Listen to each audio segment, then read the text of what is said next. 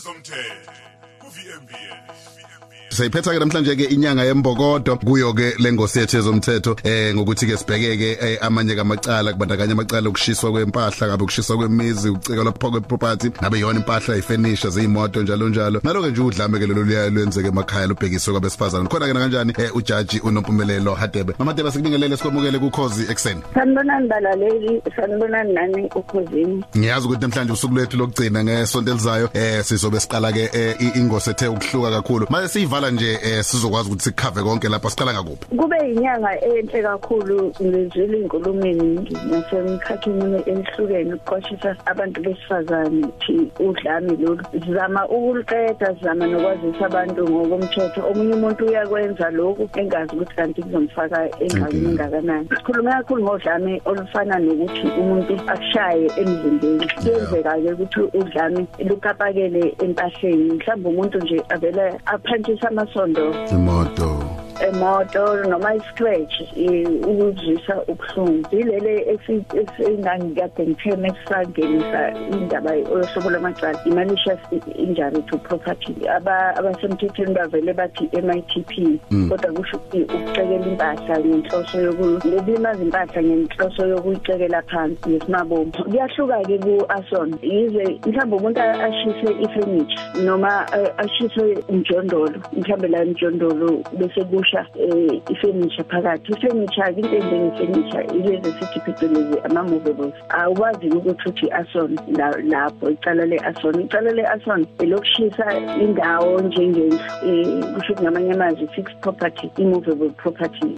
Okungaba yindlu ingaba yinto isikhathi esiningi ivame ukuba yindlu. Kodwa mengabe umuntu ekushisela ifurniture noma imoto yakho u- u- kusho ukuthi i- loko sithi malicious injury to property. Nakhona kuyafuneka inhloso ibonakale. Ah, ngamanye amazwi hayi meyishise ngephutha. Na-ke odlameni ngizolinganisa nje mhlawumbe umama useyasebenza ubaba akayithandi leyo nto. Usefika nefurniture endlini mhlawumbe ufike ne-radio noma ne-hiser ubaba useyayigenca uyayicekela phansi. Kusho ukuthi ngamanye amazwi udlame lwasemndenini lelo lwangaphakathi i-domestic violence.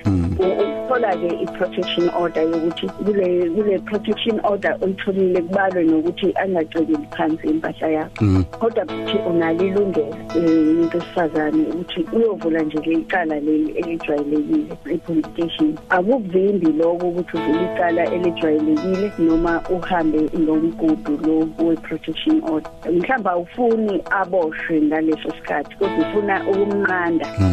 Ukuthi ingaqhubeki kule simo leso yilapho uyayofuna i-protection order. Angithi uyaku- uyakuzwa-ke sithi uma ngabe ufuna ukunqanda isimo esithile i-interdict uhamba nga-protection order. Okay. Kodwa uma ufuna ukuvula futhi leli e- eliqondene nje nokuthi ab- ab- Aboshwe. ab- aboshwe mhlawumbe akhishwe nebheyili emigomeni yebheyili bese kuthiwa akangabe sasondela ekhaya. Nakhona unalo ilungelo akukuvimbile ukuthi ngoba nakho uhambe nge-protection order ukwazi ukuhamba ngaleli uyazikhethela.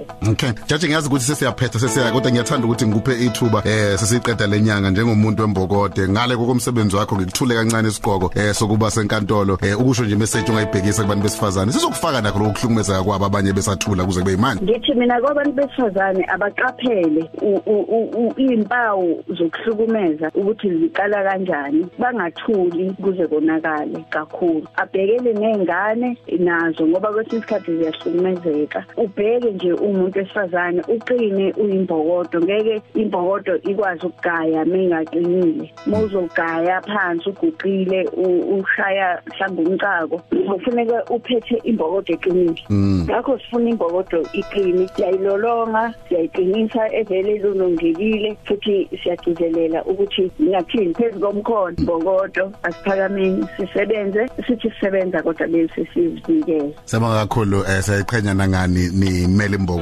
ekhundleni eziphezulu eh nasemakhaya usaphinde futhi ube umakoti lapha ekhaya. Kube kuhle kube njena siyabonga kakhulu. siyabonga kakhulu balaleli. Ngiqhubeke-ke ngokuzayo semlalele omunye umkhaya. Lena yivuka mzansi kukhozi FM sidinga indaba eyishisa phansi. Ukhozi FM